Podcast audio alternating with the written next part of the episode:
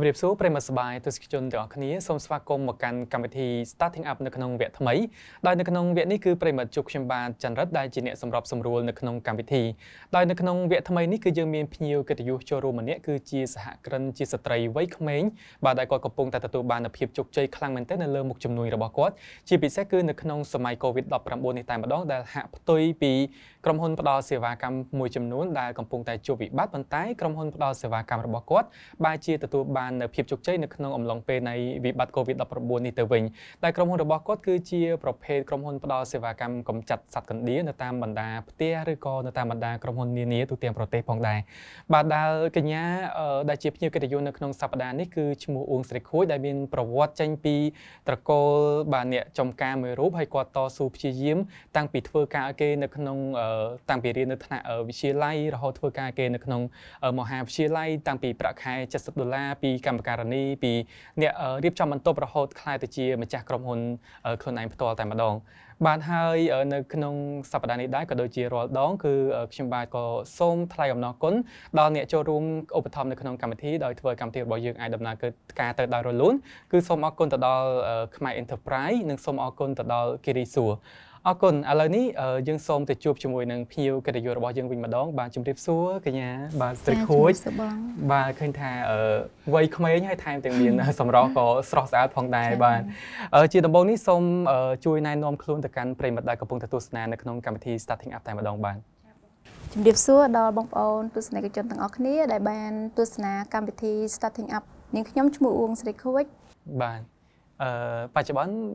កញ្ញាអូនសេខូចបានមានមុខចំនួនអ្វីខ្លះនៅក្នុងដៃអាចប្រាប់ទៅប្រិមត្តរបស់យើងបានបាទចាបងបច្ចុប្បន្នខ្ញុំជា co-founder នៅក្នុងក្រុមហ៊ុន Eco Hope Service Call TD និងជា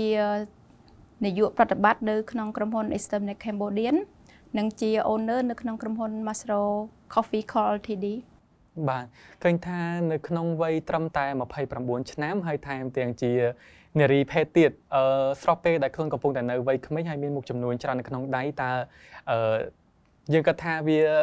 លំបាកដែរទេហើយយើងមានការបែងចែកពេលវេលាផ្ទាល់ខ្លួនយ៉ាងដូចម្ដេចជាមួយនឹងគ្រួសារហើយនឹងពេលវេលាផ្ទាល់ខ្លួនក៏ដូចជាពេលវេលាទៅលើការកាន់កាប់នៅមុខចំនួនរបស់យើងណាបាទចាបងអរគុណនៅសំណួរជាស្ដែងទៅរៀងនិយាយទៅពិបាកខ្លាំងបងពិបាកព្រោះដោយសារធម្មតាយើងអឺ ត្រូវសិក្សាផងយើងត្រូវធ្វើការផងអញ្ចឹងយើងពេលហ្នឹងគឺយើងបែងចែកពេលវេលាមែនតើបងចាអញ្ចឹងចាប់ពីឆ្នាំ2010 20 2011ខ្ញុំចប់វិទ្យាល័យអញ្ចឹងខ្ញុំមកមកភ្នំពេញនៅឆ្នាំ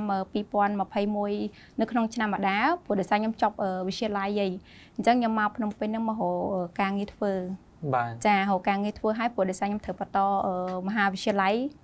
អឺសាកលវិទ្យាល័យចាបងសាកលវិទ្យាល័យចាអញ្ចឹងអឺខ្ញុំចាប់ផ្ដើមធ្វើការបដារៀនបដារហូតដល់ចប់វិទ្យាល័យខ្ញុំក៏ចាប់ផ្ដើមធ្វើការនៅក្រុមហ៊ុន Pay Control មួយ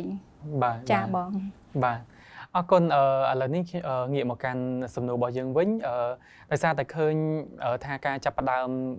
បើក្រុមហ៊ុនរបស់ខ្លួនឯងហ្នឹងគឺនៅក្នុងអំឡុងពេលដែល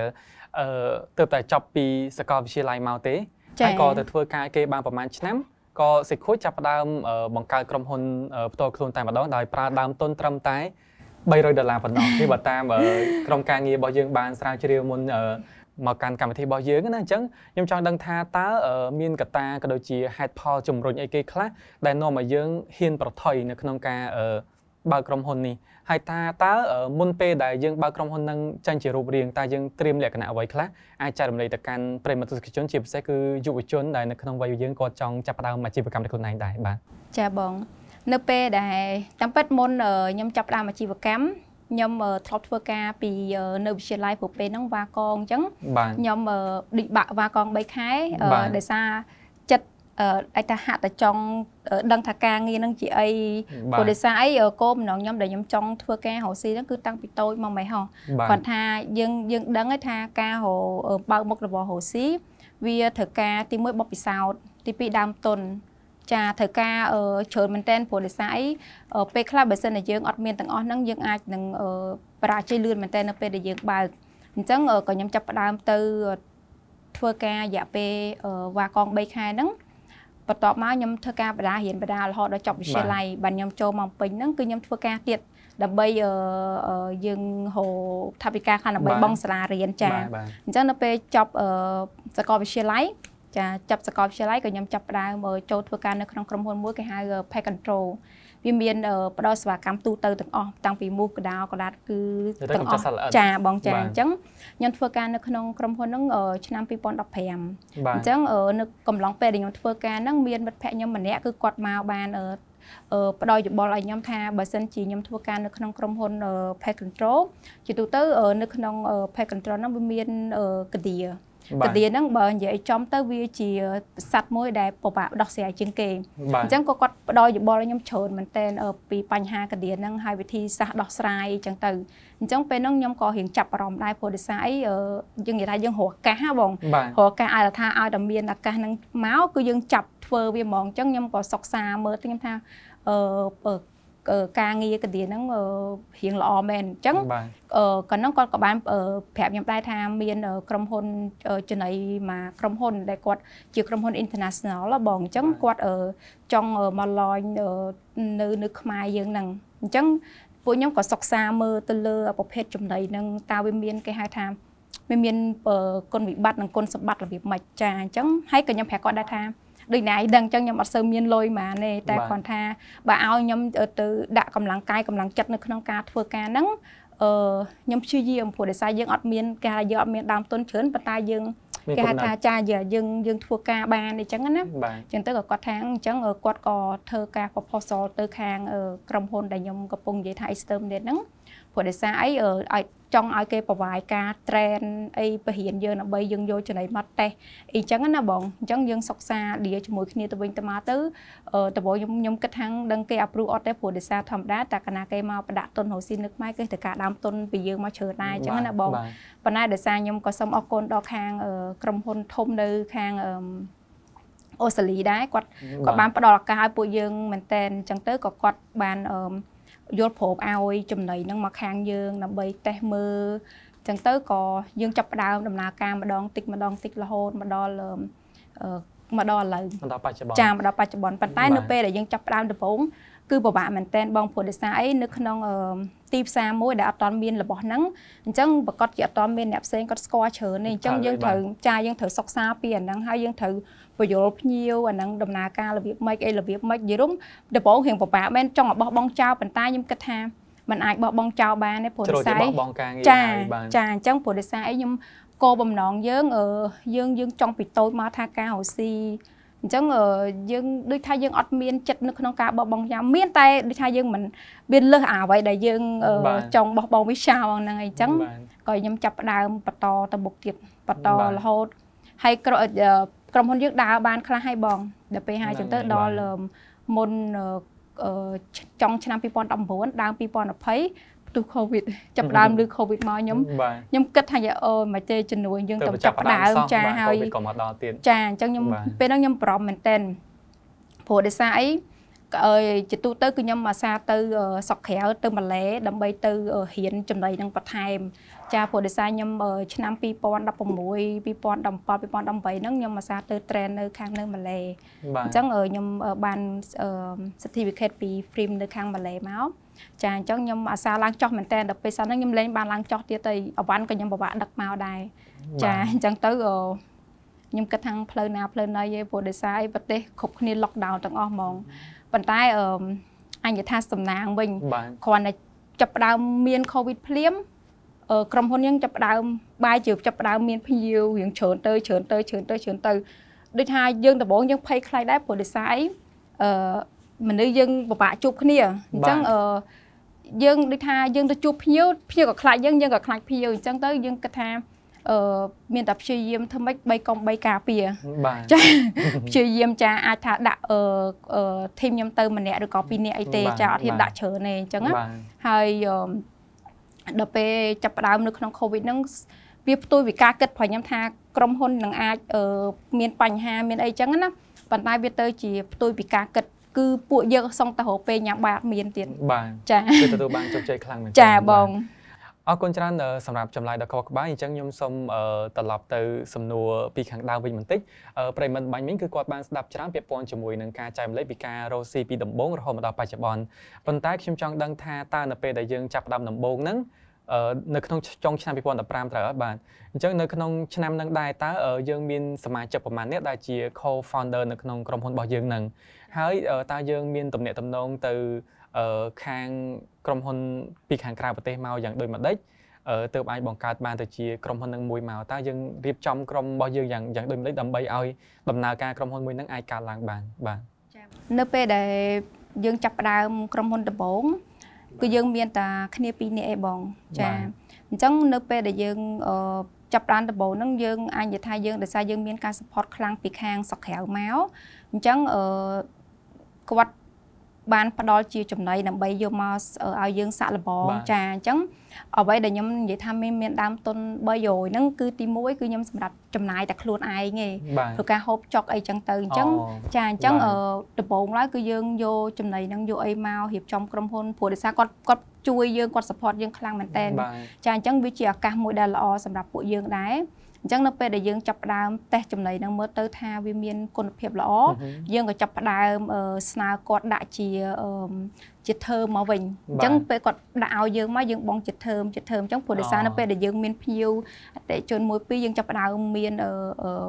ចំណូលចូលបានខ្លះហើយអាច pay back ទៅការគាត់វិញដែលជា supplier របស់យើងចាអញ្ចឹងបន្ទាប់មកដំបូងយើងអត់តមាន office ធំត្រូវទេចាអញ្ចឹងនៅពេលដែលយើងចាប់ផ្ដើមមានភ្ញៀវមួយចំនួនខ្លះមក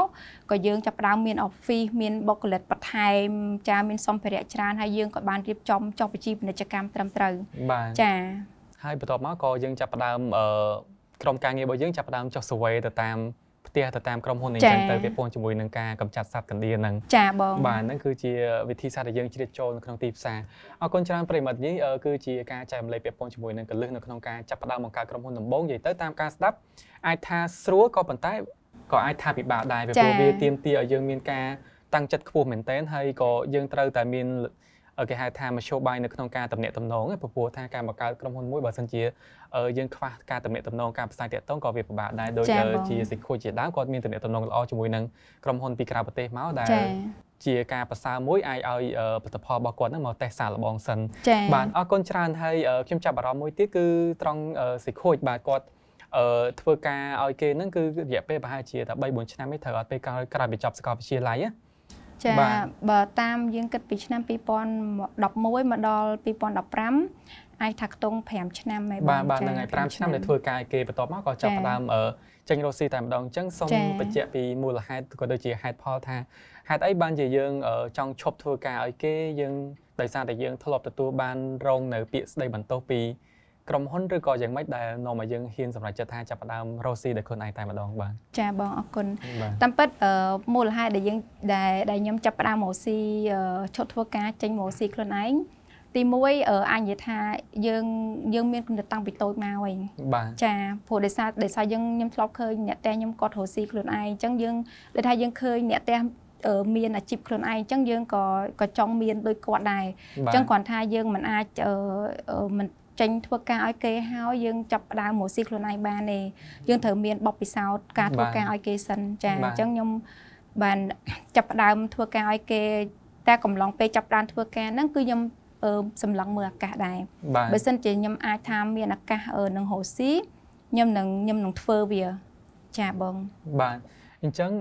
កន្លែងនេះបាទសម្រាប់ប្រិមត្តទស្សនិកជនទាំងអស់គ្នាបើសិនជាយើងធ្វើការឲ្យគេក៏យើងត្រូវមើលឱកាសនៅក្នុងនឹងដែរបើតាមសិខុយបានប្រាប់ថាតើប្រភេទការងាររបស់យើងជាប្រភេទអីហើយយើងអាចមានឱកាសកន្លែងណាដែលយើងអាច យកអាកំណត់រស់ស៊ីរបស់ក្រុមហ៊ុនយើងនឹងមកបង្កើតជាអាជីវកម្មរបស់ខ្លួនឯងគឺល្អមែនតើប៉ុន្តែគ្រាន់ថាតើហ៊ានបថយដែរត្រូវអត់ចាតាមពិតពេលហ្នឹងខ្ញុំបានភាសាគ្នាដែរដោយសារទី1អញនិយាយថាខ្ញុំបថយខ្លាំងដោយសារខ្ញុំនៅក្មេងខ្ញុំអាចអត់មាននិយាយថាអត់សូវមានបបពិសោធន៍ច្រើនប៉ុន្តែដោយសារខ្ញុំគិតថាបើសិនជាខ្ញុំអឺសាក់លបងទោះបីខ្ញុំមិនជោគជ័យក៏វាជាបបពិសោធន៍ខ្ញុំទៅថ្ងៃក្រោយទៀតដែរ បាទចាអឺប៉ុន្តែអ្វីដែលខ្ញុំចាប់អារម្មណ៍សិខួចអញនិយាយបានថាពេលចាប់ផ្ដើមនេះគឺយើងនៅវ័យក្មេងហើយយើងក្នុងនាមជាយុវតីម្នាក់ប៉ុន្តែយើងបានចាប់ផ្ដើមប្រភេទអាជីវកម្មជាការផ្ដល់សេវាកម្មប្រភេទកំចាត់សត្វល្អិតដូចសត្វកណ្ដៀរឬក៏អីចឹងទៅចាបងអឺយើងគិតថាអាហ្នឹងវា fit មួយសមត្ថភាពរបស់យើងពីពីដើមមកអត់ទេឬក៏វាយើងចាប់ឱកាសនឹងភ្លាមភ្លាមតែម្ដងបាទ តាមពិតទៅចេះបងនៅពេលដែលខ្ញុំរៀនសាកលវិទ្យាល័យហ្នឹងគឺខ្ញុំរៀនផ្នែកខាង business management ហើយនិង marketing បាទអញ្ចឹងខ្ញុំនៅពេលដែលខ្ញុំបានសិក្សាពីចំណុចហ្នឹងខ្ញុំបានទៅខាងនៅម៉ាឡេខ្ញុំអាសាដើរលេងស្រុកក្រៅអញ្ចឹងគឺខ្ញុំសម្លឹងមើលតើស្រុកនៅប្រទេសយើងកំពុងអភិវឌ្ឍមែនតើអញ្ចឹងខ្ញុំគិតថារបស់ទាំងអស់ហ្នឹងគឺខ្ញុំគិតថាគឺវាចាំបាច់អីដែលត្រូវដែលត្រូវមានអញ្ចឹងខ្ញុំគិតថាខ្ញុំសាក់លបងធ្វើវា ហើយខ្ញុំនឹងព្យាយាមអស់ពីកម្លាំងកាយចិត្តហើយខ្ញុំជឿជាក់ទៅលើផលិតផលហ្នឹងអញ្ចឹងបើខ្ញុំព្យាយាមអស់ពីកម្លាំងកាយចិត្តនៅក្នុងការធ្វើការផ្ដល់សេវាកម្មឲ្យទៅភ្ញៀវអូបាទអញ្ចឹងគឺមានន័យថាការចាប់ផ្ដើមមកប្រភេទអាជីវកម្មផ្ដល់សេវាកម្មកម្ចាត់សត្វល្អិតហ្នឹងដោយសារតែយើងមើលឃើញឱកាសទីផ្សារនៅក្នុងប្រទេសកម្ពុជារបស់យើងដែរព្រោះថាប្រទេសរបស់យើងក៏កំពុងតែអភិវឌ្ឍហើយ ការតម្រូវការសេវាកម្មផ្សេងផ្សេងក៏មានច្រើនហើយយើងក៏រលែកឃើញថាអាការផ្ដល់សេវាកម្មកម្ចាត់សត្វល្អិតអីនៅក្នុងផ្ទះនៅក្នុងក្រុមហ៊ុនអីហ្នឹងគឺវាអត់ទាន់សូវមានទេចាបងអញ្ចឹងនេះក៏ជាល្អឱកាសល្អល្អមួយដែរសម្រាប់អ្នកដែលគាត់ចាប់ផ្ដើមរស់ស៊ីមិនមែនថាឃើញគេរស់ស៊ីអីជោគជ័យចេះតែធ្វើតាមគេនិយាយទៅត្រាតែយើងចេះសិក្សាកត្តាទីផ្សារហើយនឹងដូចសេវាកម្មកម្ចាត់សត្វល្អិតនេះវាជាសេវាមួយដែលប្លែកដែរនៅក្នុងប្រទេសកម្ពុជារបស់យើងបាទ អឺខ្ញុំបានអានត្រួសត្រាសនៅប្រវត្តិរបស់ស៊ីខូចឃើញថាការចាប់ផ្ដើមរស់ស៊ីហ្នឹងគឺយើងអត់មានបានធ្វើការ advertise ឬក៏ផ្សព្វផ្សាយពាណិជ្ជកម្មទៅលើប្រព័ន្ធ social media អីទេប៉ុន្តែឃើញថាមានអតិថិជនគាត់ស្គាល់ច្រើនមែនតើអញ្ចឹងកន្លែងហ្នឹងតើតើយើងមានវិធីសាស្ត្រយ៉ាងម៉េចដើម្បីឲ្យសេវាកម្មរបស់យើងហ្នឹងវាល្បីពីមាត់មួយទៅមាត់មួយអញ្ចឹងណាបាទចាបងតាមពិតទៅមុនពេល covid ហ្នឹងយើងអត់ អត់សូវបានផ្សព្វផ្សាយហ្មងទេបងដូចខ្ញុំនិយាយចឹងដោយសារយើងអត់សូវមានដើមទុនច្រើនអញ្ចឹងយើងជឿជាយើងផ្ដោតតែទៅលើការនៅក្នុង office នឹងយើងខ្វះខាតអីអឺដើម្បីផ្ដល់ធម្មតាយើងយកអវ៉ាន់គេមកយើងត្រូវព្យាយាមយើងយើងព្យាយាម manage ទៅលើ financial ខ្លាំងមែនតើអញ្ចឹងអ្វីដែលយើងត្រូវចំណាយបើយើងហ៊ានចំណាយអញ្ចឹងអ្វីដែលយើងបានធ្វើកន្លងមកពីច្រើនគឺយើង focus ទៅលើការ អញនិយាយថាយើងអត់សូវបានផ្សព្វផ្សាយទៅលើ social media ខ្លាំងមែនតើទេគឺយើងពេលច្រើនទៅផ្ទះភ្ញៀវ direct យើងទៅនិយាយពីផ្ទះមួយទៅផ្ទះមួយអញ្ចឹងណាបងរៀងពិបាកបន្តិចនៅក្នុងការបញ្យល់គាត់ចាអញ្ចឹងនៅពេលដែលមុនផ្ទុះ covid ហ្នឹង គឺភ្ញៀវក៏បានស្គាល់សេវាកម្មយើងបានច្រើនដែរអញ្ចឹងជាក់ស្ដែងក្រុមហ៊ុនរបស់យើងដែលដែលមានភ្ញៀវច្រើនថ្ងៃហ្នឹងគឺជាទូទៅគឺភ្ញៀវក៏បានណែនាំទៅមិត្តភ័ក្តិបងប្អូននិងគ្រួសារប្រកបទេចាពីមាត់មួយទៅមាត់មួយចាបងបាទអញ្ចឹងមានន័យថាអតិថិជនរបស់យើងហ្នឹងគឺគាត់ជាអ្នកផ្សព្វផ្សាយយើងពីមាត់មួយទៅមាត់មួយបា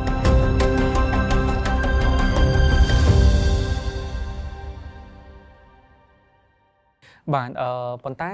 ខ្ញុំចាប់អារម្មណ៍ត្រង់ការបកស្រាយការឆ្លើយសំណួររបស់សិខុយនៅសំណួរមុនគឺថានៅមុនពេល COVID-19 ហ្នឹងគឺយើងចាប់ផ្ដើមមានអតិថិជនដែរប៉ុន្តែវាអត់ទាន់ទទួលបានជោគជ័យទេ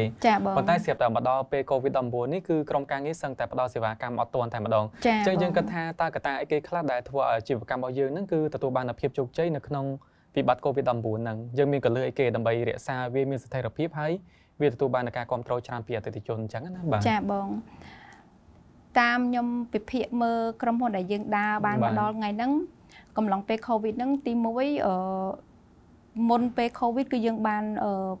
បៀត្រាស់ជាមួយនឹងភ្ញៀវបានច្រើនដែរអញ្ចឹងគាត់ពេញចិត្តសេវាកម្មយើងខ្លាំងអញ្ចឹងជាចំណុចមួយដែលដែលកំឡុងពេល Covid ហ្នឹងគាត់គាត់ណែនាំទៅបងប្អូនគាត់ទៀតអញ្ចឹងបងហើយជាទូទៅនៅពេលកំឡុង Covid ហ្នឹង ជាទូទៅក៏អត់សូវពីមុនមុន Covid គាត់ធ្វើការពីទៅទៅធ្វើទៅក្រៅធ្វើការចាប៉ុន្តែដល់ពេលកំឡុង Covid នេះអឺគាត់នៅចំណាយពេលច្រើននៅផ្ទះធ្វើការពីផ្ទះវិញអញ្ចឹងនៅពេលដែលគាត់មានពេលមើលផ្ទះនៅផ្ទះច្រើនគាត់មានពេលមើលការគាត់ត្រូវក្នុងផ្ទះតើក្នុងផ្ទះគាត់មានបញ្ហាអីអញ្ចឹងគឺគាត់ឃើញមានបញ្ហាកណ្ដៀច្រើនចាបងអញ្ចឹងនៅពេលដែលភ្ញៀវគាត់ នៅអត់បានទៅធ្វើការនៅខាងក្រៅកំឡុង Covid ហ្នឹងគឺគាត់ធ្វើការពីផ្ទះទៅហ្នឹងគឺគាត់មានពេលសម្រាប់មើលផ្ទះគាត់ច្រើនអញ្ចឹងនៅពេលដែលគាត់ឃើញផ្ទះគាត់មានបញ្ហាកឌីអញ្ចឹងគឺគាត់អញថាគាត់ដំបូងគឺគាត់អត់បានមើលនៅក្នុងការផ្សព្វផ្សាយនៅក្នុង social media ប៉ុន្តែមានមិត្តភ័ក្តិបងប្អូនគាត់គាត់គាត់ធ្លាប់ធ្វើយើងហើយអញ្ចឹងគាត់ណែនាំតតចា បាទអញ្ចឹងគឺមានន័យថានៅក្នុងពេលដែលវិបត្តិ COVID-19 ហ្នឹងគឺប្រជាពលរដ្ឋរបស់យើងគាត់នៅផ្ទះភាគច្រើនចាបងតែពេលដែលគាត់នៅផ្ទះភាគច្រើនគឺគាត់ឃើញបញ្ហាផ្សេងផ្សេងនៅក្នុងផ្ទះគាត់បានច្រើនបាទដោយសារតែពេលដែលគាត់ធ្វើការហ្នឹងគឺគាត់អត់សូវបានយកចិត្តទុកដាក់មើលថែទាំផ្ទះសម្បែងរបស់គាត់ទេដូចកាលឡើងឬក៏អីចឹងទៅប៉ុន្តែនៅពេលដែលនៅផ្ទះវាជាពេលវេលាមួយគាត់មើលផ្ទះហើយជាឱកាសល្អមួយសម្រាប់ក្រុមហ៊ុនរបស់យើងវិញចាបងអឺប៉ុន្តែក្រៅពីការកម្ចាត់សត្វកណ្ដៀរហ្នឹងយើងមានកម្ចាត់សត្វអីផ្សេងផ្សេងទៀតអត់ទេនៅក្នុង ផ្ទះឬក៏របៀបដូចកឡាតឬក៏កដោអីចឹងណាបាទអឺក្រុមហ៊ុនយើងគឺយើងផ្ដល់តាសេវាមួយគត់គឺកម្ចាត់សត្វកណ្ដៀរឲ្យដោយប្រើចំណីយើងអត់ប្រើទឹកថ្នាំទេបងចាអឺអញ្ចឹងខ្ញុំសូមឆ្លៀតពាក់ព័ន្ធជាមួយនឹងចំណីនៅក្នុងការកម្ចាត់សត្វកណ្ដៀរនឹងតិចអឺ យើងគ្រាន់តែផ្ដល់សេវាកម្មឲ្យគាត់យកចំណីនឹងមកដាក់ហើយយើងកម្ចាត់ឲ្យគាត់ហ្មងឬក៏យើងគ្រាន់តែផ្ដល់ចំណីទៅដល់អតិថិជនរបស់យើងទេបាទអឺជាក់ស្ដែងក្រុមហ៊ុនរបស់យើងគឺយើងផ្ដោតទៅលើសេវាកម្មកម្ចាត់សត្វកណ្ដៀរហ្នឹងគឺយើងកំចាត់តែគាត់វាពាក់ព័ន្ធជាមួយបច្ចេកទេសអញ្ចឹងភ្ញៀវគាត់អាចធ្វើខ្លួនឯងបានទេគឺក្រុមហ៊ុនយើងគឺត្រូវទៅធ្វើផ្ទះគាត់ជារៀងកំឡុងពេល2ខែបានអស់ចាអញ្ចឹងក្នុងរយៈពេលមួយទឹកទៅ10ថ្ងៃគឺយើងត្រូវទៅផ្ទះគាត់ម្ដង ចាហើយចំណីយើងនេះគឺអត់មានប៉ះពាល់ដល់សុខភាពទាំងអស់បាទអញ្ចឹងពេលដែលកាឌៀវាស៊ីចំណីហ្នឹងគឺវាងាប់តែម្ដងចានៅពេលដែលវាចាប់ផ្ដើមស៊ីចំណីហ្នឹងហើយគឺវាមួយថ្ងៃទៅមួយថ្ងៃកន្លះគឺវាចាប់ផ្ដើមប្រេសកាងាប់ទៅចាអញ្ចឹងវាអាចរៀងយូរពេលរៀងយូរបន្តិចប៉ុន្តែអាចនិយាយថាវាឃ្លានៅបាតក្រោមព្រោះដោយសារកាឌៀវាមានច្រើនលៀនក្បាលចាអញ្ចឹងយើងអាចបាញ់ទឹកថ្នាំទៅលើលើធ្វើឲ្យវាវាអាច បានតែមួយឆាគេថ្ងៃក្រោយវាអាចមកវិញអញ្ចឹងហ៎បងបាទចាអឺពាក់ព័ន្ធជាមួយនឹងការផ្ដល់សេវាកម្មនឹងដែរអឺពីដំបូងអឺសេចកញ្ញាសេចខួយបានបញ្ជាក់ថាចាប់ផ្ដើមដំបូងមានតែ 2នាក់គាត់ដែលជា co-founder នៅក្នុងក្រុមហ៊ុនហ្នឹងចុះបច្ចុប្បន្នយើងមានក្រុមការងារប្រមាណអ្នកដែលគាត់ជាអ្នកបុគ្គលិករបស់យើងហើយគាត់ចុះផ្ដល់សេវាកម្មជូនដល់អតិថិជនបាទចាបងតាមពិតអឺសេវាកម្មកម្ចាត់សត្វកណ្ដៀរនេះយើងអត់ត្រូវការគ្នាច្រើនទេបង សំខាន់មួយគឺគាត់ធ្វើការជំនាញមែនតើគឺអាចចាប់ពី1ឆ្នាំទៅ2ឆ្នាំឡើង គឺបានគាត់ដឹងពីជំនាញកណ្ដៀរហ្នឹងព្រោះដោយសារអញ្ញថា នៅពេលដែលគាត់ធ្វើការបានមួយខែពីរខែដំបងអត់អត់តន់ដឹងជប់ពីការបច្ចេកទេសហ៎បងចាហ្នឹងដូចយើងរៀនពេទ្យអញ្ចឹងហ៎បងរៀនយូរបន្តិចបានយើងអាចច្បាស់ពីកាទាអញ្ចឹងយើងមានបុគ្គលិកខ្លាំងខ្លាំងរងថ្ងៃគឺ8នាក់8នាក់ចាអញ្ចឹងបុគ្គលិក8នាក់ហ្នឹងគឺគាត់ជាអ្នកជំនាញបច្ចេកទេសទៅលើការងារហ្នឹងតែម្ដងអឺចុះយើងមានវគ្គបណ្ដុះបណ្ដាលឬក៏អីដែរសម្រាប់បុគ្គលិកផ្នែក កម្ចាត់សាកាឌីហ្នឹងមុននឹងចូលដល់ក្រុមហ៊ុនរបស់យើងហ្នឹងគាត់មានបទពិសោធន៍ហើយស្រេចឬមួយក៏យើងជាអ្នកបណ្ដុះបណ្ដាលពួកគាត់បានអឺតាមពិតទៅគឺគឺខាងយើងជាអ្នកបណ្ដុះបណ្ដាលគាត់ចាព្រោះដោយសារជំនាញកាឌីនេះអាចនិយាយថាវារៀងបបាបន្តិចខ្ញុំខ្ញុំហ៊ានធានាថារៀងបបាបន្តិចព្រោះដោយសាររៀងអត់ធ្មត់ខ្លាំងហ៎បង ចាយើងមិនដូចថាដូចយើងពាក់ព័ន្ធជាមួយនឹងការទៅ check ហើយយើងត្រូវ install របៀបម៉េចត្រូវមើលប្រភេទតើវាស្ថានភាពនឹងមុននឹងអស់កាឌីហ្នឹងវារបៀបម៉េចហ្នឹងគឺគឺត្រូវតាអញថាយកចិត្តទុកដាក់មែនតើចា អរគុណច្រើនប្រិមត្តដែលកំពុងតែទស្សនានៅក្នុងកម្មវិធី Starting Up បាទយើងកំពុងតែជួបជាមួយនឹងកញ្ញាអឺបាទកញ្ញាសិខួយដែលគាត់គឺជាសហស្ថាបនិកក្រុមហ៊ុនកម្ចាត់សត្វកណ្ដៀបាទអរគុណច្រើនពាក់ព័ន្ធជាមួយនឹងការបកស្រាយនេះដែរឃើញថាយើងទទួលបាននូវចំណេះដឹងច្រើនមែនទែនជាពិសេសពាក់ព័ន្ធជាមួយនឹងការចាប់ផ្ដើមនៃការរកស៊ីប៉ុន្តែអ្វីដែលសំខាន់ចង់ឲ្យសិខួយជួយចែកម្លែងបន្តិចថាតើកត្តាអីគេខ្លះដែលធ្វើឲ្យស្រីខួយ ឈរជើងមកដល់សប្តាហ៍ថ្ងៃក្នុងនាមជាសហគ្រិនវ័យក្មេងជោគជ័យម្នាក់តើយើងមានកលឹះនិងកត្តាអីគេខ្លះដែលចូលរួមឲ្យអាជីវកម្មរបស់យើងនឹងនៅអឺចង់ថាមានស្ថិរភាពល្អហើយវាកាន់តែរីកចម្រើនទៅបាទវាផ្អែកលើគោលការណ៍គេខ្លះដែលជាការកំណត់របស់សេចក្ដីផ្ទាល់បាទកត្តាដែលនាំឲ្យខាងក្រុមហ៊ុនរងថ្ងៃគាត់ដើមម្ដងថ្ងៃហ្នឹងទី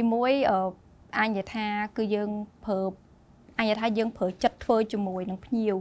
ចា នៅពេលដែលយើងទៅយើងទៅជួបភ្ញៀវគឺយើងព្យាយាមទៅទៀងម៉ោងហើយយើងព្យាយាមផ្ដល់សេវាឲ្យគាត់ឲ្យល្អ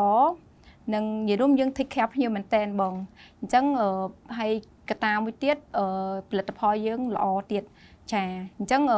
អាចគប់ផ្សំគ្នាមួយចំណុចមួយចំណុចអញ្ចឹងធ្វើឲ្យភ្ញៀវគាត់មានជំនឿទុកចិត្តទៅលើសេវាកម្មខាងក្រុមហ៊ុនខ្ញុំចាបាទអរគុណច្រើនអឺ យើងបាននិយាយគ្នាច្រើនបានជជែកគ្នាច្រើនពាក់ព័ន្ធជាមួយនឹង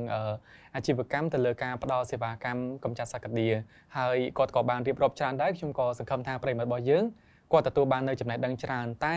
ខ្ញុំចាប់អារម្មណ៍មួយទៀតគឺពាក់ព័ន្ធជាមួយនឹងអាជីវកម្មថ្មីដែលកញ្ញាសេខួយក៏ទៅតែចាប់ផ្ដើមដែរបាទគឺដោយសារតែនៅក្នុងវិបត្តិ COVID-19 ហ្នឹងគឺមានក្រុមហ៊ុនមួយចំនួនគាត់ អាចនិយាយបានថាគាត់គាត់គាត់ខ្សែធនឬមួយក៏គាត់ផាអាជីវកម្មរបស់គាត់ជាបដអសន្នអញ្ចឹងទៅប៉ុន្តែដោយឡែកកញ្ញាអ៊ុងសៃខួយគាត់បែរទៅជាចាប់អាជីពបន្ថែមមួយទៀតគឺការនាំចូលម៉ាស៊ីនហើយនឹងកាហ្វេចាបងបាទហ្នឹងហើយអញ្ចឹងចង់ឲ្យសេខួយជួយចែកម្លែងបន្តិចថាតើមូលហេតុអីដែលយើងសម្រេចចិត្តបង្កើតនៅក្រុមហ៊ុនថ្មីមួយនេះឡើង ហើយយើងមើលឃើញឱកាសវាដូចម្ដេចនៅលើទីផ្សារដែលយើងគិតថាអាចទទួលបានភាពជោគជ័យបាទអរគុណចាកាហ្វេហ្នឹងតាមពិតមូលហេតុដែលយើងនាំចូលស្រុកខ្មែរដោយសារទី1អញ្ញថាប្រទេសយើងកំពុងអភិវឌ្ឍបងចាអញ្ចឹងអឺជាក់ស្ដែងកាហ្វេក៏ពេញនិយមនៅស្រុកខ្មែរដែរចាហើយយើងនាំប្រភេទកាហ្វេហ្នឹងគឺជាប្រភេទ capsule ដែលមានជារូបរាងមានម៉ាស៊ីននិង capsule ក៏យើងនាំទាំងអស់ចូលមកបងបងហើយអឺ ទីផ្សាររបស់យើងនេះ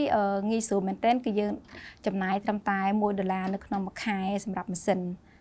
ចាអញ្ចឹងគាត់បាន enjoy ជាមួយនឹងកាហ្វេរបស់គាត់នៅផ្ទះឬក៏នៅតាម office ចា1ដុល្លារក្នុងមួយខែសម្រាប់ម៉ាស៊ីនឆុងកាហ្វេហ្នឹងមានន័យថាមិនដែរបាទមានន័យថាយើង យើងដូចដេញដាក់ជួយភ្ញៀវ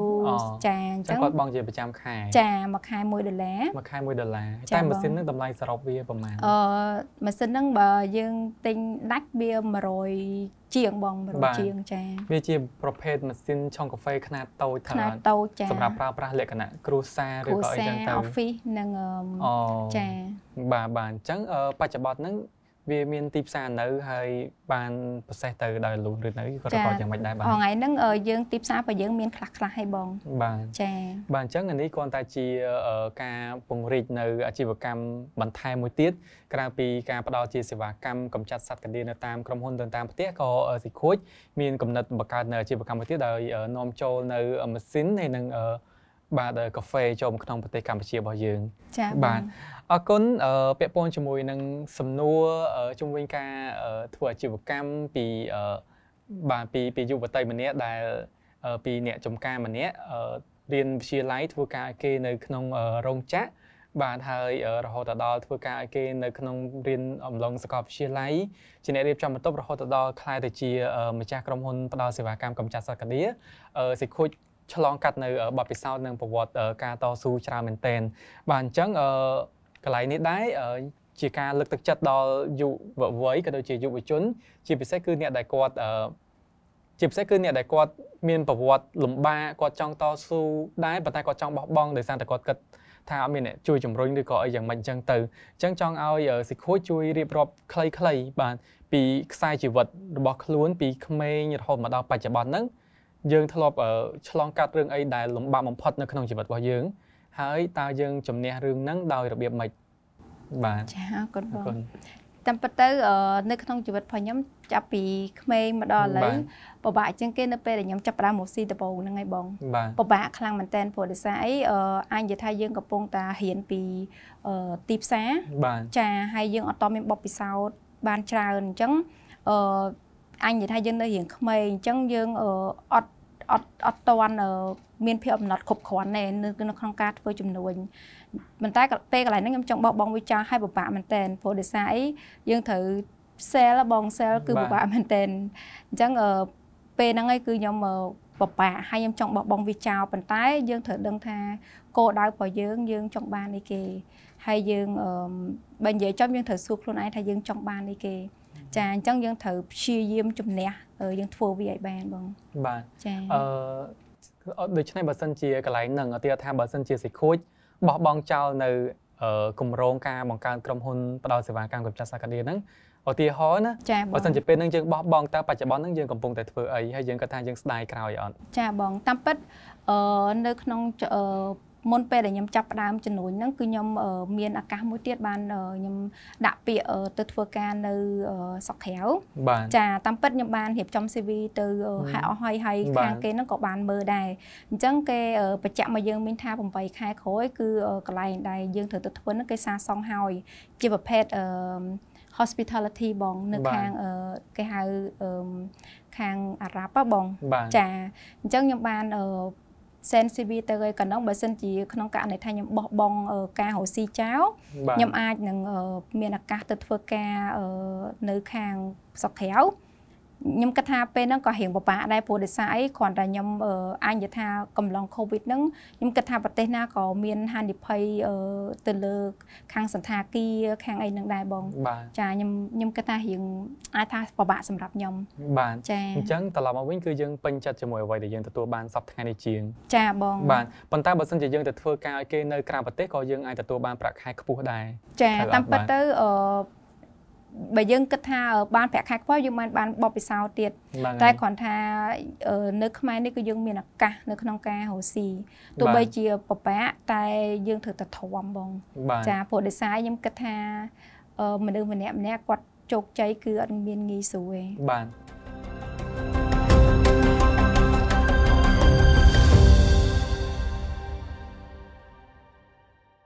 អញ្ចឹងអឺសួរ ទៅសេចក្ដីចេះវិញរវាង អ្នកធ្វើការគេដែលយើងអាចនិយាយបានថាជាបុគ្គលិកលំដាប់ជាន់ខ្ពស់នៅក្រុមហ៊ុនមួយហើយប្រាក់ខែគាត់ខ្ទង់ពាន់ដុល្លារដែរហើយនឹងរវាងការយើងចាប់ផ្ដើមអាជីវកម្មដោយខ្លួនឯងទាំងលំបាលំបិនតើយើងគួរតែចាប់មួយណាក្នុងពេលហ្នឹងចា៎តែថាយើងមានការងារមួយដែលប្រាក់ខែច្រើនហើយប៉ុន្តែយើងក៏ចង់រកស៊ីដែរអញ្ចឹងយើងគួរតែធ្វើម៉េចចា៎បាទអឺ បងសួរសម្រាប់ខ្ញុំឬបាទបាទហ្នឹងហើយសម្រាប់ហើយក៏ផ្ដល់ជា review ថាជា advice ដល់ប្រិមរបស់យើងដែរបាទតាមពិតទៅការសម្រេចចិត្តមួយមួយមនុស្សខុសគ្នាគាត់សម្រេចចិត្តខុសគ្នាគាត់មានជំរឿខុសគ្នាអញ្ចឹងគាត់ត្រូវសួរខ្លួនឯងថាគាត់ចង់បានអីតែសម្រាប់ខ្ញុំបើក្នុងករណីថាចិត្តខ្ញុំគោលបំណងខ្ញុំចង់រស់ស៊ីអញ្ចឹងអញថាទោះបីជាខ្ញុំមានប្រាក់ខែខ្ពស់ ប៉ុន្តែបើសិនជាខ្ញុំមានឱកាសរស់ស៊ីចាប់ពីចំណុច0ខ្ញុំនឹងរស់ស៊ីពីចំណុច0ព្រោះដោយសារគោលបំណងរបស់យើង គឺយើងចង់រស់ស៊ី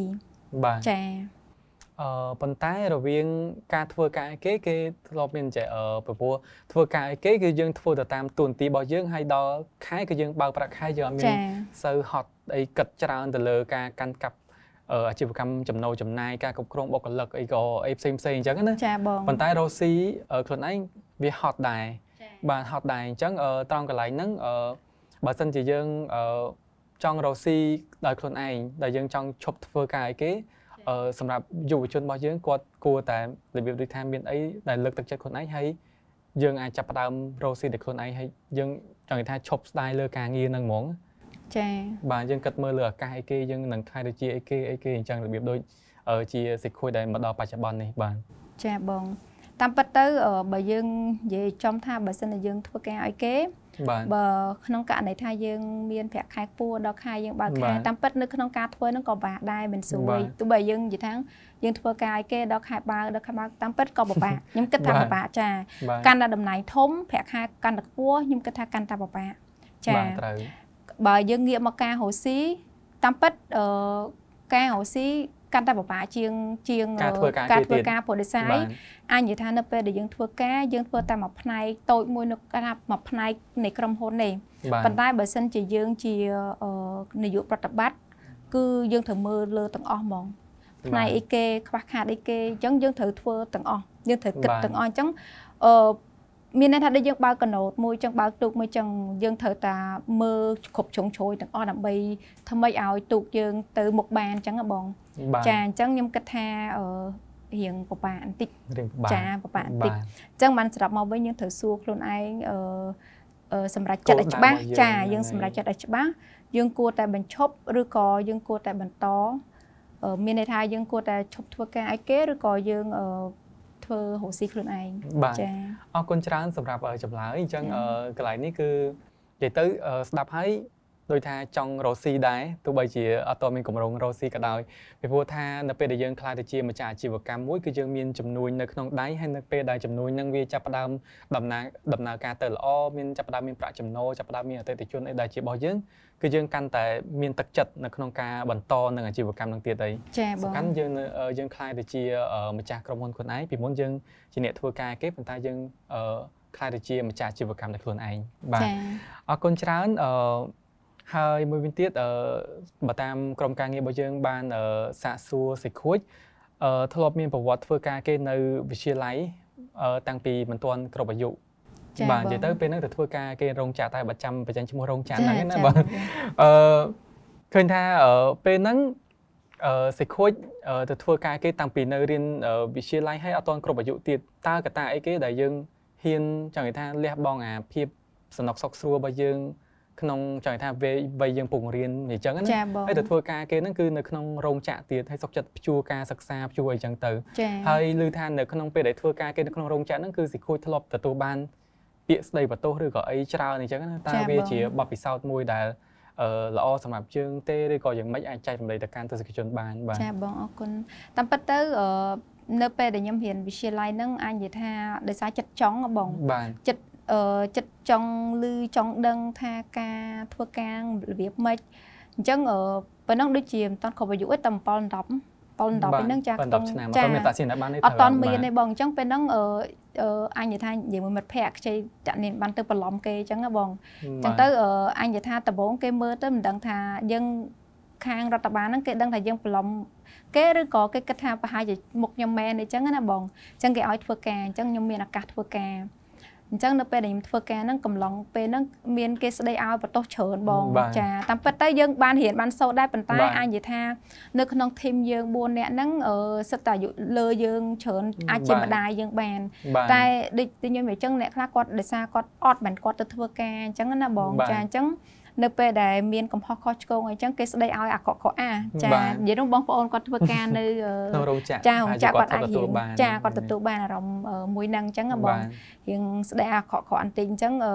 សម្រាប់ខ្ញុំខ្ញុំនៅរៀងក្មេងខ្ញុំគិតថាវាមិនជាបញ្ហាអីធំទេពេលដែលគេប្រើភាសាអស់ហ្នឹង ប៉ុន្តែធ្វើឲ្យខ្ញុំឈឺចាប់ដោយសារអ្នកដែលគាត់ធ្វើការមួយខ្ញុំហ្នឹងគាត់រៀងអាយុច្រើនអញ្ចឹងណាអញ្ចឹងប្រើភាសារៀងអាក្រក់ខុសស្ដាប់ទៅលើពួកគាត់វាធ្វើឲ្យយើងរៀងឈឺចាប់អញ្ចឹងវាអាចថាជាចំណុចមួយដែលធ្វើឲ្យខ្ញុំខំប្រឹងដែរបងព្រោះដោយសារអីអាចនិយាយថាបើសិនជាយើងអត់ពិបាកអឺគេជន់ណាបងអញនិយាយថាគេយើងជន់យើងតិចបងចាអឺសម្រាប់សិខូចមានពាក្យអីដែលហៅថាពាក្យហ្នឹងយើងស្ដាប់ហើយធ្វើឲ្យយើងឈឺចាប់ហើយយើងចងចាំពាក្យហ្នឹងអត់ភ្លេចហើយធ្វើឲ្យយើង កែប្រែពាក្យឈឺចាប់ហ្នឹងមកជំរុញទឹកចិត្តខ្លួនឯងមកដល់សប្តាហ៍ថ្ងៃធ្លាប់មានពាក្យណាដែលធ្វើឲ្យយើងចាំអត់ភ្លេចទេតាមពិតទៅអឺសម្រាប់ខ្ញុំអឺអ្វីដែលពាក្យមិនល្អសម្រាប់មកលើខ្ញុំខ្ញុំគិតថាវាជា ចំណុចពិសេសពិសេសដែរព្រោះដោយសារអីអញនិយាយថាយើងអត់ខឹងគេបងប៉ុន្តែយើងយើងគិតថាយើងនិយាយថាមនុស្សកុំឲ្យមើងងាយមនុស្សពាក្យមួយម៉ាត់ហ្នឹងវាអាចថាធ្វើឲ្យខ្ញុំផឹងម្ដងថ្ងៃហ្នឹង ព្រោះដោយសារអីពេលខ្លះយើងមើលទៅម្នាក់ហ្នឹងគាត់អាវមិនអាវខោមិនខោយើងបោះពាក្យមិនសិលល្អទៅលើគាត់និយាយមិនសមរម្យជាមួយគាត់តែតាមពិតអាចនិយាយថាមនុស្សអាចអាចនិយាយថាជា ចំណងចំណូលចិត្តរបស់គាត់ការស្លៀកពាក់អីចឹងទៅអញ្ចឹងយើងអត់អាចមើលគាត់តាតាពេលសម្បកក្រៅចាអញ្ចឹងពេលខ្លះពាក្យពេចន៍ដែលគាត់និយាយមកលើយើងវាធ្វើឲ្យយើងគិតថាអឺព្រោះតែយើងអត់បាន គេប្រើភាសាអញ្ចឹងមកលើយើងអញ្ចឹងខ្ញុំគិតថាថ្ងៃមួយខ្ញុំនឹងឲ្យអ្នកដែលគាត់គិតបែបហ្នឹងនឹងទទួលរងការអញ្ញថាចាពាក្យសម្ដីរបស់ខ្លួនឯងខ្មែរអីនៅពាក្យសម្ដីហើយត្រូវកែប្រែឡើងវិញព្រោះដោយសារអីបើយើងនិយាយចំទៅថាមនុស្សយើងអត់អាចមើងមើងងាយមនុស្សចាចាមើលថ្ងៃក្រោយទៅខ្លាចពីអីមានតែគេមើលដឹងពីអនាគតទេបាទចាបងបាទអញ្ចឹងកន្លែងហ្នឹងគឺព្រោះតែកត្តាជីវភាព ហើយមួយវិញទៀតគឺយើងសិតតែមានហេតុផលទៀតថាយើងត្រូវធ្វើការឲ្យគេក្នុងនាមជាអ្នកសម្អាតឬក៏ក្នុងនាមជាអ្នកអនាម័យប៉ុន្តែមិនមែនមានន័យថាអឺយើងអត់មានគោលដៅទៅថ្ងៃក្រោយទេអាហ្នឹងវាគ្រាន់តែជាការចាប់ផ្ដើមនៅក្នុងជីវិតរបស់យើងឯងពីព្រោះថាគ្មានអ្នកណាគេចាប់ផ្ដើមភ្លាមដល់ចំណុចកម្ពូលភ្លាមឯងអត់មានអ្នកណាគេអាចទទួលបាននូវភាពជោគជ័យដោយគ្មានការចាប់ផ្ដើមពីកម្រិតទាបទេអញ្ចឹងនៅពេលដែលយើងទៅធ្វើការឲ្យគេមួយក្នុងតំណែងតូចតាចអី គេអត់មានសិទ្ធមកវាតម្លៃថាឲ្យយើងអាចសមត្ថភាពឬក៏អីប៉ុន្តែវាស្របពេលវ័យយើងត្រឹមប៉ុណ្ណឹងដូចដូចសិខួយអញ្ចឹងទៅធ្វើការរោងចក្រគេនៅក្នុងវ័យ17ឆ្នាំអញ្ចឹងបើសិនជាយើងវ័យហ្នឹងយើងចង់ទៅធ្វើការក្រុមហ៊ុនអីផ្សេងក៏វាអត់បានដែរព្រោះយើងអត់ទាន់មានអត្តសញ្ញាណប័ណ្ណយើងអត់ទាន់រៀនចប់រៀនអីអញ្ចឹងទៅអញ្ចឹងយើងរកការងារណាដែលវាស័ក្តិសមមួយនឹងសមត្ថភាពរបស់យើងដែរបាទហ្នឹងហើយប៉ុន្តែគ្រាន់ថាការចាប់ផ្ដើមការងាររបស់យើងហ្នឹងគឺវាតិចម្ដងតិចម្ដងធ្វើឲ្យយើងមានបទពិសោធន៍នៅក្នុងជីវិតហើយក៏ ធ្វើឲ្យយើងចាប់ផ្ដើមមានទំនាក់ទំនងល្អយើងចាប់ផ្ដើមស្គាល់នៅក្នុងសង្គមចាបងបាទស្គាល់រសជាតិនៅក្នុងសង្គមថាយ៉ាងម៉េចយ៉ាងម៉េចយ៉ាងម៉េចទើបយើងអាចវិវត្តខ្លួនយើងអាចឯករាជ្យយើងអាចរឹងមាំរហូតមកដល់សប្តាហ៍ថ្ងៃហ្នឹងចាបាទអរគុណច្រើនអឺតកតងជាមួយនឹងកម្មវិធី starting up នេះដែរក៏អឺខ្ញុំបាទមានជាសំណួរមួយទៀតចង់ដឹងក៏ដូចជាចង់ឲ្យសេខួចបាទផ្ដល់ទៅកាន់ទស្សនិកជនអឺពាក់ព័ន្ធជាមួយនឹង គោលការណ៍បាទនៅក្នុងជីវិតរបស់ខ្លួនឯងអានេះអាមុនខ្ញុំមកឲ្យចែករំលែកពាក់ព័ន្ធជាមួយនឹងគោលការណ៍នៅក្នុងការរក្សាក្រុមហ៊ុនមួយឲ្យវាមានស្ថិរភាពប៉ុន្តែសម្រាប់គោលការណ៍ជីវិតរបស់យើងយើងមានពាក្យស្លោកអីគេខ្លះឬក៏យើងមានអីដែលជាការលើកទឹកចិត្តខ្លួនឯងនៅពេលដែលយើងជួបបញ្ហានៅពេលដែលយើងចង់បោះបង់នៅពេលដែលយើងអីអញ្ចឹងតើយើងមានគោលការណ៍គេខ្លះរបៀបដូចថាធ្វើឲ្យជីវិតរបស់យើងនឹងវាប្រសើរឡើងពីមួយលំដាប់ទៅមួយលំដាប់បាទចា តាមពិតទៅអឺបើ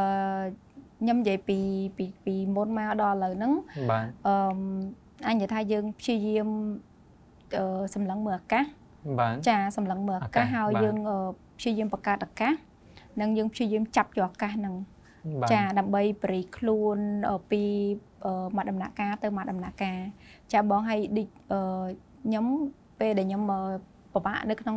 ពេលដែលយើងធ្វើអាជីវកម្មយើងពិបាកនៅក្នុងការជឹងយើងចង់បោះបង់វាចោលទីមួយយើងសម្លឹងទៅមើលមនុស្សនៅជុំវិញខ្លួនយើងព្រោះដោយសារអីអាចនិយាយថានៅក្នុងក្រុមហ៊ុនមួយយើងមានបុគ្គលិកយើងមាននិយាយទៅយើងបៀមកដល់ថ្ងៃហ្នឹងនៅពេលដែលយើងគិតថាវាពិបាកនៅក្នុងការទៅមុខយើងគិតពីអនាគតរបស់គាត់វិញចាអឺអាចនិយាយថាទាំងយើងទាំងគេនៅពេលដែលយើងធ្វើការនៅក្នុងក្រុមហ៊ុនមួយគឺយើងជឿជាក់ទៅលើក្រុមហ៊ុនហ្នឹងអញ្ចឹងខ្ញុំគិត រៀងជ្រៅមែនតើអញ្ចឹងខ្ញុំត្រឡប់មកវិញធ្វើឲ្យខ្ញុំមានកម្លាំងចិត្តដើរទៅមុខទៀតបាទចាបងបាទអរគុណច្រើនពីព្រោះអីធម្មតានៅក្នុងជីវិតរបស់យើងម្នាក់ម្នាក់មនុស្សម្នាក់ម្នាក់គឺសុទ្ធតែមានគោលការណ៍ខ្លួនឯងបើកាលណាយើងរស់នៅដែលអត់មានគោលការណ៍គឺយើងអត់ដឹងថាជីវិតរបស់យើងគឺត្រូវដើរទៅណាយើងនឹងធ្វើអីបន្ទាប់ដើម្បីសម្រេចនៅគោលដៅរបស់យើងឯងអញ្ចឹងមនុស្សម្នាក់ម្នាក់សុទ្ធតែមានគោលដៅហើយនឹងមានគោលការណ៍របស់ខ្លួនឯងហើយនឹងពាក្យស្លោកសម្រាប់ខ្លួនឯងហើយនឹងអាចនិយាយបានថាជា ជាគោលការណ៍ជីវិតរបស់មនុស្សម្នាក់ម្នាក់ដោយជាក់ស្ដែងអ្នកខ្លះទៅគាត់មានគោលការណ៍ដូចជាការរក្សាទំនាក់ទំនងជាមួយនឹងអ្នកដែលគាត់មានគុណសម្បត្តិច្រើនបុគ្គលដែលមានទំនាក់ទំនងល្អអ្នកដែលគាត់មានបទពិសោធន៍ច្រើនក្នុងសង្គមអញ្ចឹងទៅការណាដែលគាត់រក្សាទំនាក់ទំនងជាមួយបុគ្គលទាំងអស់ហ្នឹងក៏ធ្វើឲ្យគាត់ទទួលបាននៅព័ត៌មានច្រើនទទួលបាននៅចំណេះដឹងច្រើនអ្នកខ្លះទៅគាត់មានគោលការណ៍ពាក់ព័ន្ធជាមួយនឹងការចាប់ឱកាសដោយដោយដែលសិខូចបានលើកឡើងកាលណាដែលយើងមានឱកាសណាមួយហើយដែលវាគិតថាឱកាសល្អជាងកុំតណាគិតថា យើងធ្វើបានឬក៏មិនបានប៉ុន្តែយើងត្រូវកាប់ចាប់ឱកាសហ្នឹងឲ្យបានសិនហើយចាំយើងធ្វើវាបន្តទៀតចាហើយមួយទៀតនៅក្នុងការចាប់ប្រកាសអីអស់ហ្នឹងយើងត្រូវតែ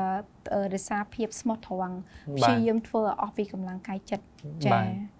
អឺកន្លែងហ្នឹងគឺមានន័យថាទោះបីជាការងារតូចឬធំការងារអីក៏ដោយបើយើងធ្វើហើយគឺយើងត្រូវដាក់ចិត្តវាចាយើងត្រូវដាក់ចិត្តធ្វើឲ្យបានល្អបំផុតតែអស់ពីសមត្ថភាពបាទចាមួយគឺមួយពីរគឺពីរបាទកុំលេះលោះបាទម្ដងចាប់នេះម្ដងចាប់នោះនិយាយទៅគេហៅថាមនុស្សសាច់ការបាទគឺយើងត្រូវមានគោលការណ៍សម្រាប់ខ្លួនឯងចឹងបាទអរគុណឃើញថាពេលវេលារបស់យើងក៏ចេះតែរំកិលទៅមុខច្រើនដែរអឺជាចុងក្រោយសូមឲ្យសិខួចបាទជួយចែករំលែកនៅបទពិសោធន៍ ក៏ដូចជាសារលើកទឹកចិត្តអីគេខ្លះទៅដល់យុវជនដែលគាត់ចង់ចាប់ផ្ដើមអាជីវកម្មតែខ្លួនឯងដែលគាត់គួរតែចាប់ផ្ដើមពីណាទៅណាគាត់គួរតែធ្វើអីដើម្បីឲ្យខ្លះទៅជាសហគ្រិនមួយរូបដូចជាសិខួចចឹងដែរបាទតាមពិតទៅការចាប់ផ្ដើមរកស៊ីអាជីវកម្មមួយខ្ញុំគិតថាជាទូទៅគឺរៀងពិបាកបន្តិចនេះសម្រាប់ខ្ញុំគឺរៀងពិបាកបន្តិចព្រោះទីមួយវាពាក់ព័ន្ធដូចខ្ញុំនិយាយមុនហ្នឹងអញ្ចឹងអឺតាមទុនបបពិសោធន៍ តែអ្វីដែលសំខាន់ជាងគេហ្នឹងគឺអឺសួរខ្លួនឯងតើយើងចង់បានអីគេ យើងអឺអញថាយើងរួចរាល់នៅនៅក្នុងការចាប់អាជីវកម្មមួយហ្នឹងអញ្ចឹងមុននឹងយើងចាប់អាជីវកម្មមិនមែនចេះតាំងដោយសារយើងចង់ធ្វើរកស៊ីខ្លួនឯងស្អីក៏យើងចេះធ្វើធ្វើបានទេមុននឹងយើងធ្វើគឺយើងត្រូវសិក្សាទៅលើអាជីវកម្មមួយហ្នឹងសិន សិក្សាពីវាឲ្យច្បាស់សិនព្រោះដោយសារមុនដែលខ្ញុំចាប់ផ្ដើមរកស៊ីខាងប្រភេទចំណីកម្ចាត់សត្វកាឌៀហ្នឹងគឺខ្ញុំបានសិក្សាច្បាស់ចាគឺខ្ញុំបានធ្វើការធ្វើតេស្តធ្វើអីច្បាស់ហើយខ្ញុំបានទៅរៀននៅសុកក្រៅព្រោះដោយសារខាងក្រុមហ៊ុនហ្នឹងគាត់ sponsor ឲ្យទៅរៀនអញ្ចឹងចាអញ្ចឹងខ្ញុំច្បាស់មែនតើអញ្ចឹងបើខ្ញុំហ៊ានដាក់ចិត្តនៅក្នុងការធ្វើវាអញ្ចឹងខ្ញុំសូមផ្ញើទៅដល់បងប្អូនដែលគាត់ចង់ចាប់អាជីព រកស៊ីអីមួយ គឺយើងត្រូវសិក្សាឲ្យច្បាស់សិនចា៎បាទអឺអញ្ចឹងការចង់រកស៊ីគឺយើងចិត្តតែចង់ហើយបាទប៉ុន្តែយើងកុំចង់លក្ខណៈថាអឺដោយអត់ទាន់ដឹងព័ត៌មានច្បាស់លាស់ចា៎ដែលអត់ទាន់ដឹងពីអឺលំអិតពាក់ព័ន្ធជាមួយនឹងប្រភេទផលិតផលដែលយើងចង់យកមកយើងអត់ទាន់បានដឹងច្បាស់យើងឃើញគេជោគជ័យយើងក៏ចង់ជោគជ័យតាមគេដែលយើងអត់បានសិក្សាពីសមាសភាពរបស់ផលិតផលនិងសមត្ថភាពរបស់ខ្លួនឯងផង ក៏វាជាហានិភ័យមួយនាំឲ្យអាជីវកម្មរបស់យើងចាប់ផ្ដើមទៅបរាជ័យដែរចាហើយមួយទៀតបើសិនជា ក្នុងករណីថាយើងធ្វើអាជីវកម្មមួយនឹងអត់ច្បាស់ឬក៏ការបោកអឺយើងអត់មានអំឡងចង់បោកប្រាស់គេប៉ុន្តែផលិតផលនឹងវាអត់ច្បាស់លាស់ឬក៏មានបញ្ហាអីចឹង credit របស់យើងក៏អាចទៅតាមនឹងដែរថ្ងៃក្រោយយើងរកស៊ីអីធ្វើអីអញនិយាយថាយើងចាប់ផ្ដើមក្បាលដំបងយើងជាមនុស្សប្រភេទនេះអញ្ចឹងនៅពេលដែលយើងចាប់ផ្ដើមរកស៊ីអឺរបបផ្សេងផ្សេងទៀត អញនិយាយថាអឺវាពិបាកនៅក្នុងការធ្វើឲ្យ credit យើងល្អមកឡើងវិញចឹងចាអញ្ចឹងបានការទទួលបានការទុកចិត្តចាបងអញ្ចឹងបានថានៅពេលដែលយើងចាប់ផ្ដើមរកអីមួយគឺយើងត្រូវសុខសាយមែនតែនចាបាទ អរគុណច្រើនប្រិមត្តទស្សនិកជនដែលកំពុងតែទស្សនានៅក្នុងកម្មវិធី Starting Up បាទឃើញថាពេលវេលានៅក្នុងកម្មវិធីរបស់យើងក៏គៀករំកិលមកដល់ទីបញ្ចប់ទៅហើយដែរបាទសូមអរគុណជាពិសេសសម្រាប់កញ្ញាបាទស្រីខួចបាទដែលបានចូលរួមនៅក្នុងកម្មវិធីបាទនឹងបានចែករំលែកបទពិសោធន៍ជាច្រើនពាក់ព័ន្ធជាមួយនឹងការចាប់ផ្ដើមអាជីវកម្មរបស់ខ្លួនរហូតទទួលបានជោគជ័យរហូតមកដល់បច្ចុប្បន្ននេះហើយសង្ឃឹមថាការចែករំលែកនេះក៏ជាសារមួយដែលផ្ដល់នៅចំណេះដឹងដល់ ប្រិមត្តជាពិសេសគឺយុវជនបាទឲ្យទទួលបាននៅបទពិសោធន៍ល្អល្អបាទហើយនៅក្នុងកម្មវិធីបាទក៏មិនភ្លេចដែរសូមអរគុណទៅដល់បាទអ្នកដែលចូលរួមនៅក្នុងកម្មវិធីដែលធ្វើឲ្យកម្មវិធីរបស់យើងអាចដំណើរការទៅបានក៏សូមអរគុណទៅដល់ខ្មែរ Enterprise និងសូមអរគុណទៅដល់គិរីសួរអរគុណច្រើនកម្មវិធី Starting Up របស់យើងក៏បានមកដល់ទីបញ្ចប់យើងនឹងជួបគ្នានៅក្នុងវគ្គថ្មីជាបន្តគណៈនេះដែរវត្តមានរបស់ខ្ញុំបានចន្ទរិទ្ធរួមជាមួយនឹងកញ្ញាសេខួយសូមអរគុណនិងសូមជម្រាបលា thank you